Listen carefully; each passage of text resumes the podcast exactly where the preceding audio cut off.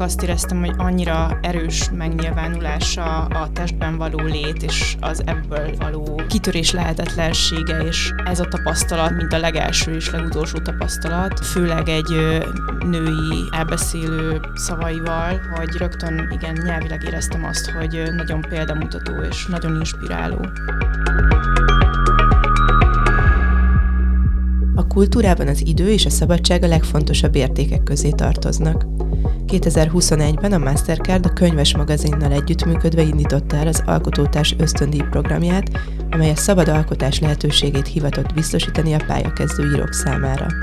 A podcast sorozatunkban az idei győztesekkel, Kerber Balázsal és Zilahi Annával beszélgetek irodalomról, olvasmányélményekről, alkotásról és példaképekről. Ott Anna vagyok, a sorozat szerkesztő műsorvezetője.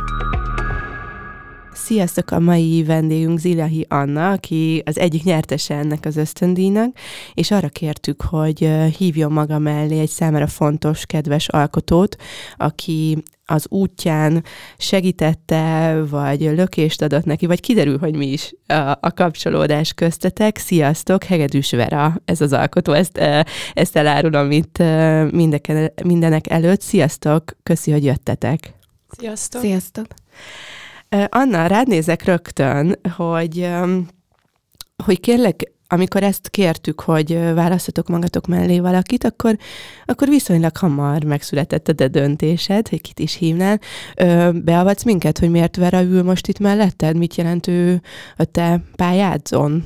Igen, igazából rögtön ő jutott az eszembe, amikor kértétek, hogy hívjak meg valakit beszélgetni, és ez amiatt van, mert amikor a kezembe került a könyve körülbelül májusban, akkor pont egy olyan prózát kerestem, ami rokon valamilyen módon az én felfogásomban a, a lírámmal, mert azt éreztem, hogy nagyon lírai gondolkodó vagyok, és hogy, és hogy sok prózát olvasok, és szeretek prózát olvasni, de hogy valahogy próza poétikailag mégsem érzem azt, hogy nagyon közel állnak hozzám azok, amiket olvasok, és így került a kezembe Hegedűs Fere a könyve az Ostoba, amit Köröztös Gergő javaslatáról kezdtem el olvasni, és rögtön azt éreztem, hogy, hogy valami olyasmit olvasok, amit, amit évek óta keresek.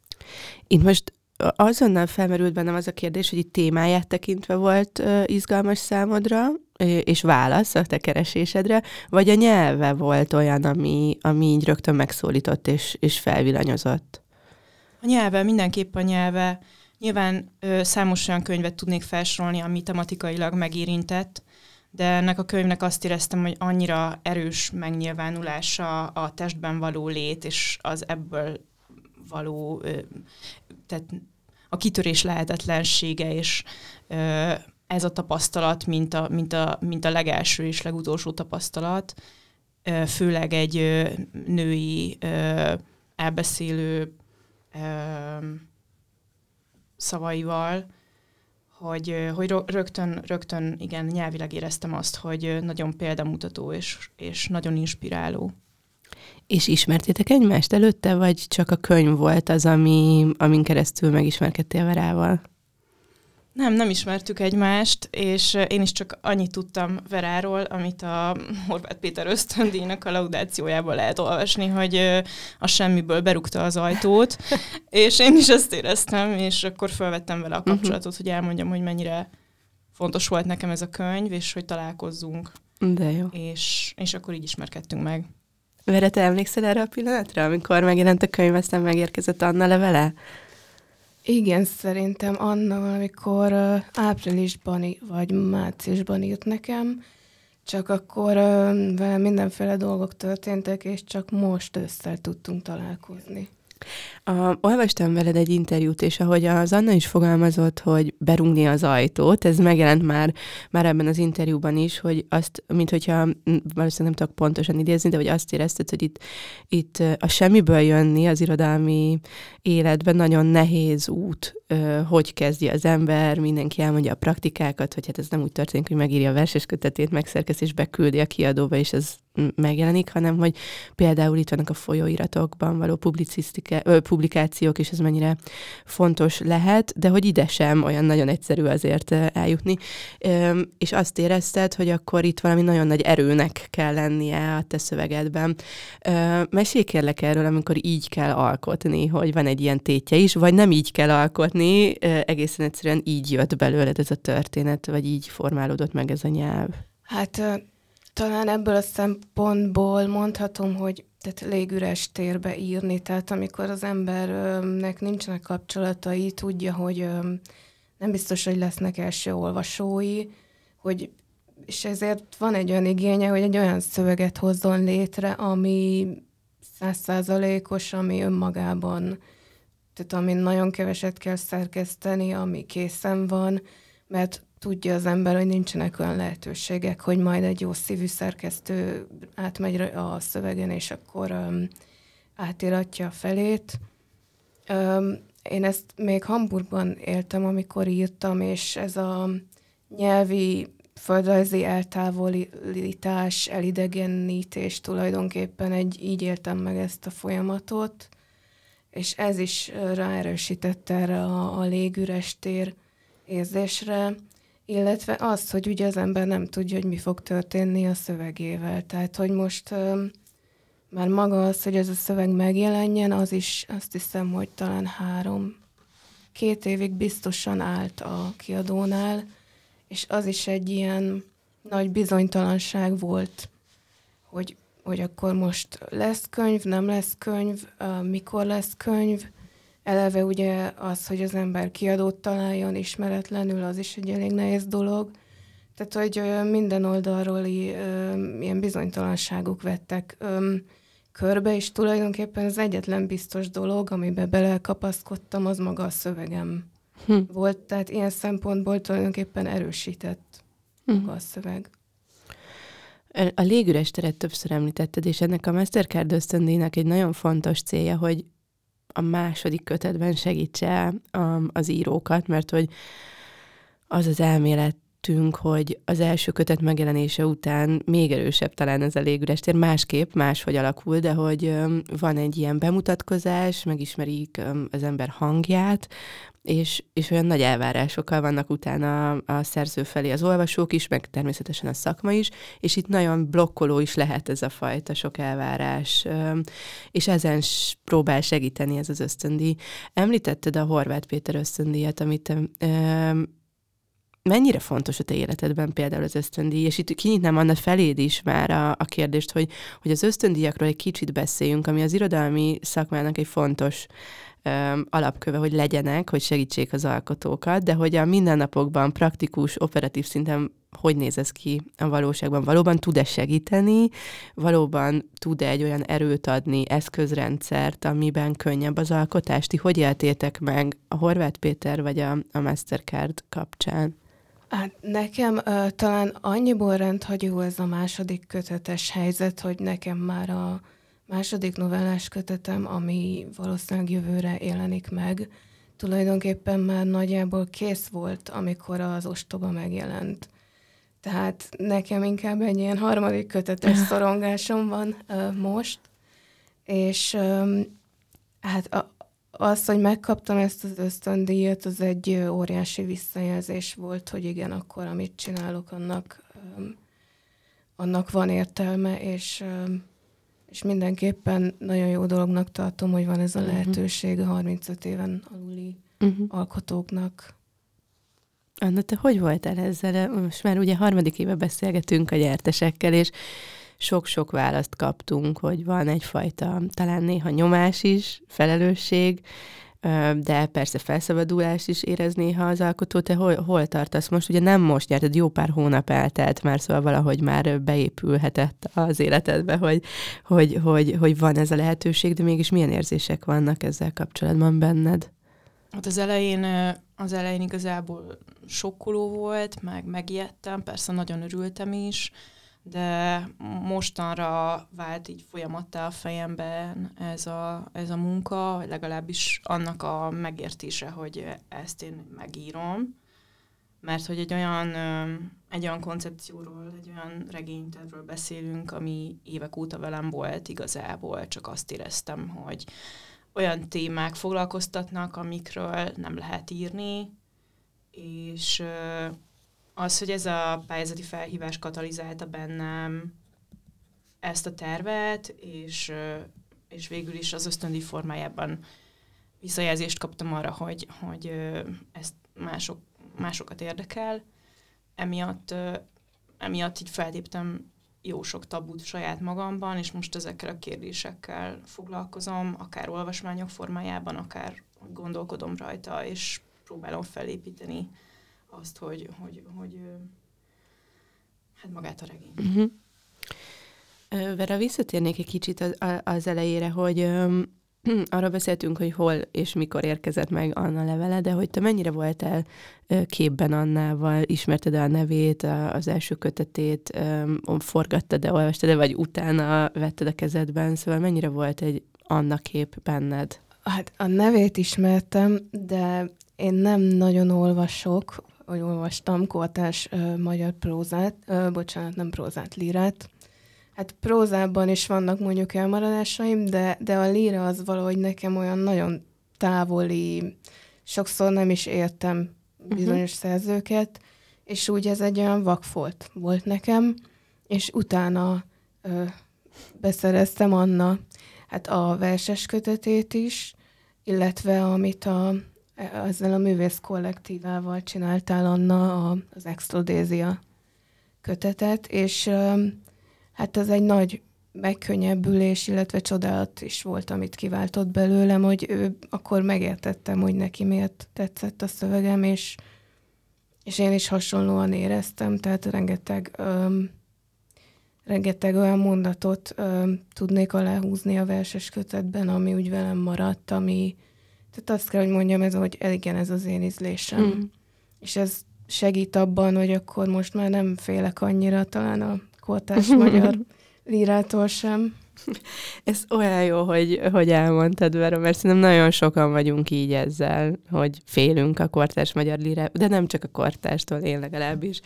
És nekem hosszú évek betellett, mire leküzdöttem azt, hogy itt nincs egyfajta megoldási kulcs, vagy hogy megoldó képlet, és nem arról van szó, hogy itt le kell vizsgázni, és mindenkinek ugyanazt jelenti egy szöveg, de hogy szerintem ez nagyon fontos, amit most mondtál, hogy így fel kell szabadítanunk magunkat ez alól, és hogy ezek a kötetek meg képesek talán erre, vagy szerzők. Nekem mindig segít, amikor a szerző kicsit közelebb jön, akár nem személyesen, hanem hallgathatom őt beszélni, megnyilatkozni másképp is. Nagyon, engem civilként borzasztóan érdekel az alkotói munka, és főleg az, amikor így egymásra hatások történnek, vagy hogy ezt hogyan kell elképzelni, amikor ti majd leültök, vagy leültetek már ősszel beszélgetni, vagy meginni egy kávét, hogy, hogy egyáltalán ott mi hangzik el, most nem a konkrétumokra gondolok, hanem hogy hogyan lehet valaki mellé odaállni egy alkotói folyamatba, vagy hogyan lehet meg me- merni megfogalmazni a saját kérdéseidet, és ezt hangosan kimondani egy másik embernek, ahol igazából ismeretség nincs, csak egy nagyon közös ízlés. Azt érzem, hogy, hogy itt valahogy megtaláltátok a másikat, mert, mert, mert tetszett az a nyelv, vagy az, a, a, ahogy ő beszélt, hogy beszéljetek kérlek egy kicsit erről, hogy ott mi történt, vagy hogyan kell ezt elképzelni, a két alkotó leül ö, kávézni, és ennek tényleg nem az a tétje, hogy ö, a hóesésről csevegjenek, hanem az, hogy itt valami al- alkotói munka, vagy az alkotásról szóló párbeszéd alakuljon. Ez nálatok hogy történt ősszel? Vagy én nagyon romantikusan képzelem ezt el, amikor két író leül egymással. Egy kicsit, egy kicsit romantizálott szerintem, de, de ennyi szerintem teljesen belefér, jót tesz neki. Um, igen, találkoztunk ősszel, és akkor azt éreztem, hogy az a direkt nyerség, ami mondjuk a Vera szövegeiben megjelenik, hogy azzal a fajta őszintességgel próbáltam egyszerűen felvenni a kapcsolatot, és beszélgetni, és kíváncsi voltam, hogy ki ez a személy, aki emögött, a szöveg mögött áll. És én is próbálok visszakerülni alkotóként mindig valami ilyesfajta mm, alkotói diszpozícióba, egy ilyen lecsupaszított őszintességbe, szóval azzal a, azzal a hozzáállással, amivel alkotni próbálok, azzal kerestem meg Verát, és utána, utána nagyon sok hasonlóságot találtunk magunk között, meg, meg az íráshoz való hozzáállásunkban, mm. uh, és inspiráló volt az, hogy, hogy, hogy Vera benne van egy alkotói folyamatban, és én pedig így keresem a, keresem a meccés pontokat, a, uh-huh. hogy, hogy, hogy, hogy hogyan tudok elkezdeni uh, írni. Igen, így magánemberként is elég sok közös pontot találtunk, meg talán így a múltunkban, az életünkben is. Illetve nekem, ami inspiráló volt, még nagyon az, hogy Anna a képzőművész is, meg hogy tehát így érdek, tehát így a hang és a kép felé is nagyon nyitott, és nekem is van egy ilyen vonalam, ugyan én nem vagyok képzőművész, de zenéléssel foglalkoztam, ez most úgy parkolópályán van, um, de, de talán az, hogy látom, hogy vannak emberek, akik több um, művészeti ágban sikeresek, az úgy, úgy erősít, hogy akkor nekem se kéne felhagynom bizonyos hmm. dolgokkal. Igen. Itt többször említetted Anna az őszinteséget, a nyers őszinteséget. Ez mindig felmerül bennem olvasóként, hogy mit is jelent, szóval, hogy hogy lehet számon kérni az őszinteséget egy fikciós íráson, vagy akár egy, egy lírai, az érzésekre nagyon aktívan ható, rövid sűrítményen, Mm, gondolom nem arról van szó, amikor az őszinteséget mondtad, hogy akkor itt a tények megállják a helyüket, és Vera önmagáról ír vagy valóban ö, ö, dokumentarista jelleggel ragadja meg a valóságot, szóval, hogy hol viszont olvasóként is érzem, amikor ez kicsúszik, amikor valami őszintétlen lesz, amikor a hang megbicsaklik. Nem tudom megfogni, hogy miért érzem ezt, de érzi az ember. Szerintem, hogyha figyelemmel olvas. Milyen őszinteséget tapasztaltál te a, a Vera könyvébe, vagy te mire, milyen őszintességre ö, próbálsz törekedni, amikor te magad írsz? Nagyon, nagyon köszönöm, hogy rákérdeztél erre, mert egyébként én gyűlölöm az őszintesség kifejezést, és nem tudom, hogy most miért használtam ezt. A Szépen használtad többször is. Igen, mert hogy valahogy azt éreztem, hogy a beszélgetésünk hmm. Verával volt őszinte, Aha. és hogy nem nagyon éreztem azt, hogy takargatunk egymásra valamit, és ez szerintem így, nem tudom, 30 fölött, amikor először találkozol valakivel, akkor van az emberben szerintem egy ilyen távolságtartás, meg, egy, meg valami fajta um, igyekvés arra, hogy, hogy elleplezze az ember már azokat a hibáit, és ez, ez, ez nem volt ebbe a beszélgetésbe. A szöveg szintjén ezt a nyersességet inkább úgy tudnám le, lefordítani, hogy a szöveg integritása, a nyelvi integritás, hogy egyszerűen annyira összhangban van a létrehozott nyelv, a, a leírt ö, történettel, an, azzal a társadalmi ö, mm, biológiai kontextussal, azzal a testi létezéssel, amit ez a nő elmesél a saját életén keresztül, hogy, hogy, hogy inkább lényeglátást, meg integritást mondanék, hogyha pontosítani uh-huh. szeretném ezt az általam egyébként nem preferált szót, hogy őszintesség. Oké. Okay. Vele te hogy vagy ezekkel a kifejezésekkel? Hát nekem az őszintesség az egy önazonosságot is jelent, tehát magánemberként, íróként is. Um, íróként talán az, azt mondanám erre, hogy um, sallagmentes vagy időnként kíméletlen, könyörtelen egy szöveg, hogy um, emel bizonyos téteket szövegszinten, és hogy ezeket teljesíti. Én azon gondolkoztam sokat, hogy sokan, főleg a kortás magyar prózában ezt az őszintességet a letisztultság és a minimalizmus szinonima, szinonimájaként használják, amit mondjuk én semmiképp nem uh-huh. tennék. Tehát, hogy ez, ez nekem nincsen benne, hanem hát tényleg egy ilyen nagyon belső zsigeri tartalom kifejezése, én ezt, ezt mondanám erre. Annak korábban valamelyik válaszodban említetted, hogy valami olyanról szeretnél írni, amiről nem lehet írni, vagy amiről nem lehetett eddig írni.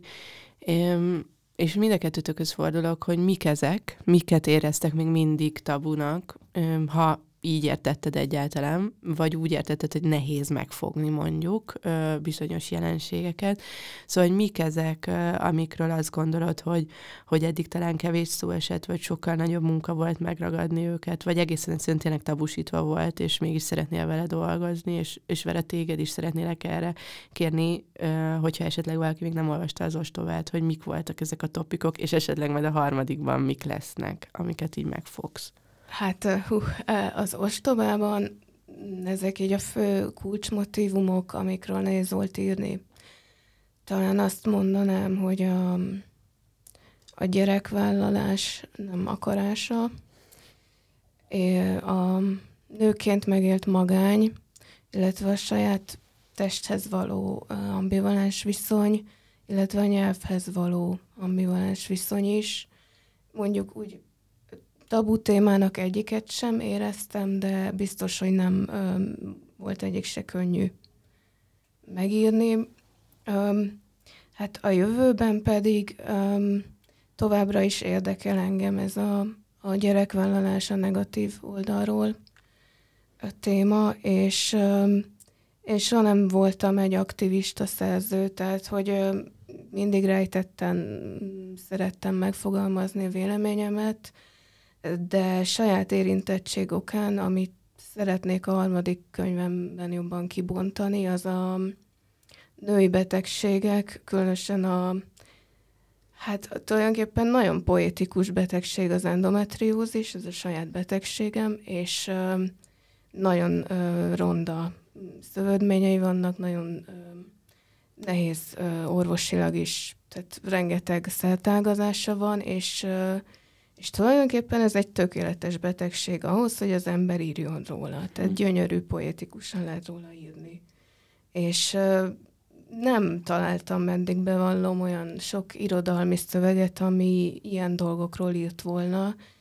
Tehát, hogy így a női működésben ennyire elmerült volna. Továbbra sem szeretném ezt programszerűen, nagyon direktben megcsinálni, de de mindenképpen szeretném azt, hogy, hogy legyen ennek egy, ennek a betegségnek egy irodalmi dokumentuma. Hm. Bocsánat, ez nagyon szép volt. Igen, e, és bocsánat, visszatérek, mert annyira gyönyörűen mondtad azt, hogy poetikus ez a betegség, hogy, hogy ezt, ezt hogyan érted? Hogy, hogy, hogy tud mondjuk egy betegség, ami a sajátod arra inspirálni, hogy, egyrészt ezt értem, hogy dokumentálni szeretnéd, és szerintem is nagyon fontos, mert én nem, nem nagyon ismerek um, szövegeket, amik a női testről ilyen, vagy a idézőjelbe teszem, a meghibásodásáról szólnának. Um, de hogy neked ez, ez, ez, ez, ez hogy, hogy, hogy értetted, hogy élted ezt meg?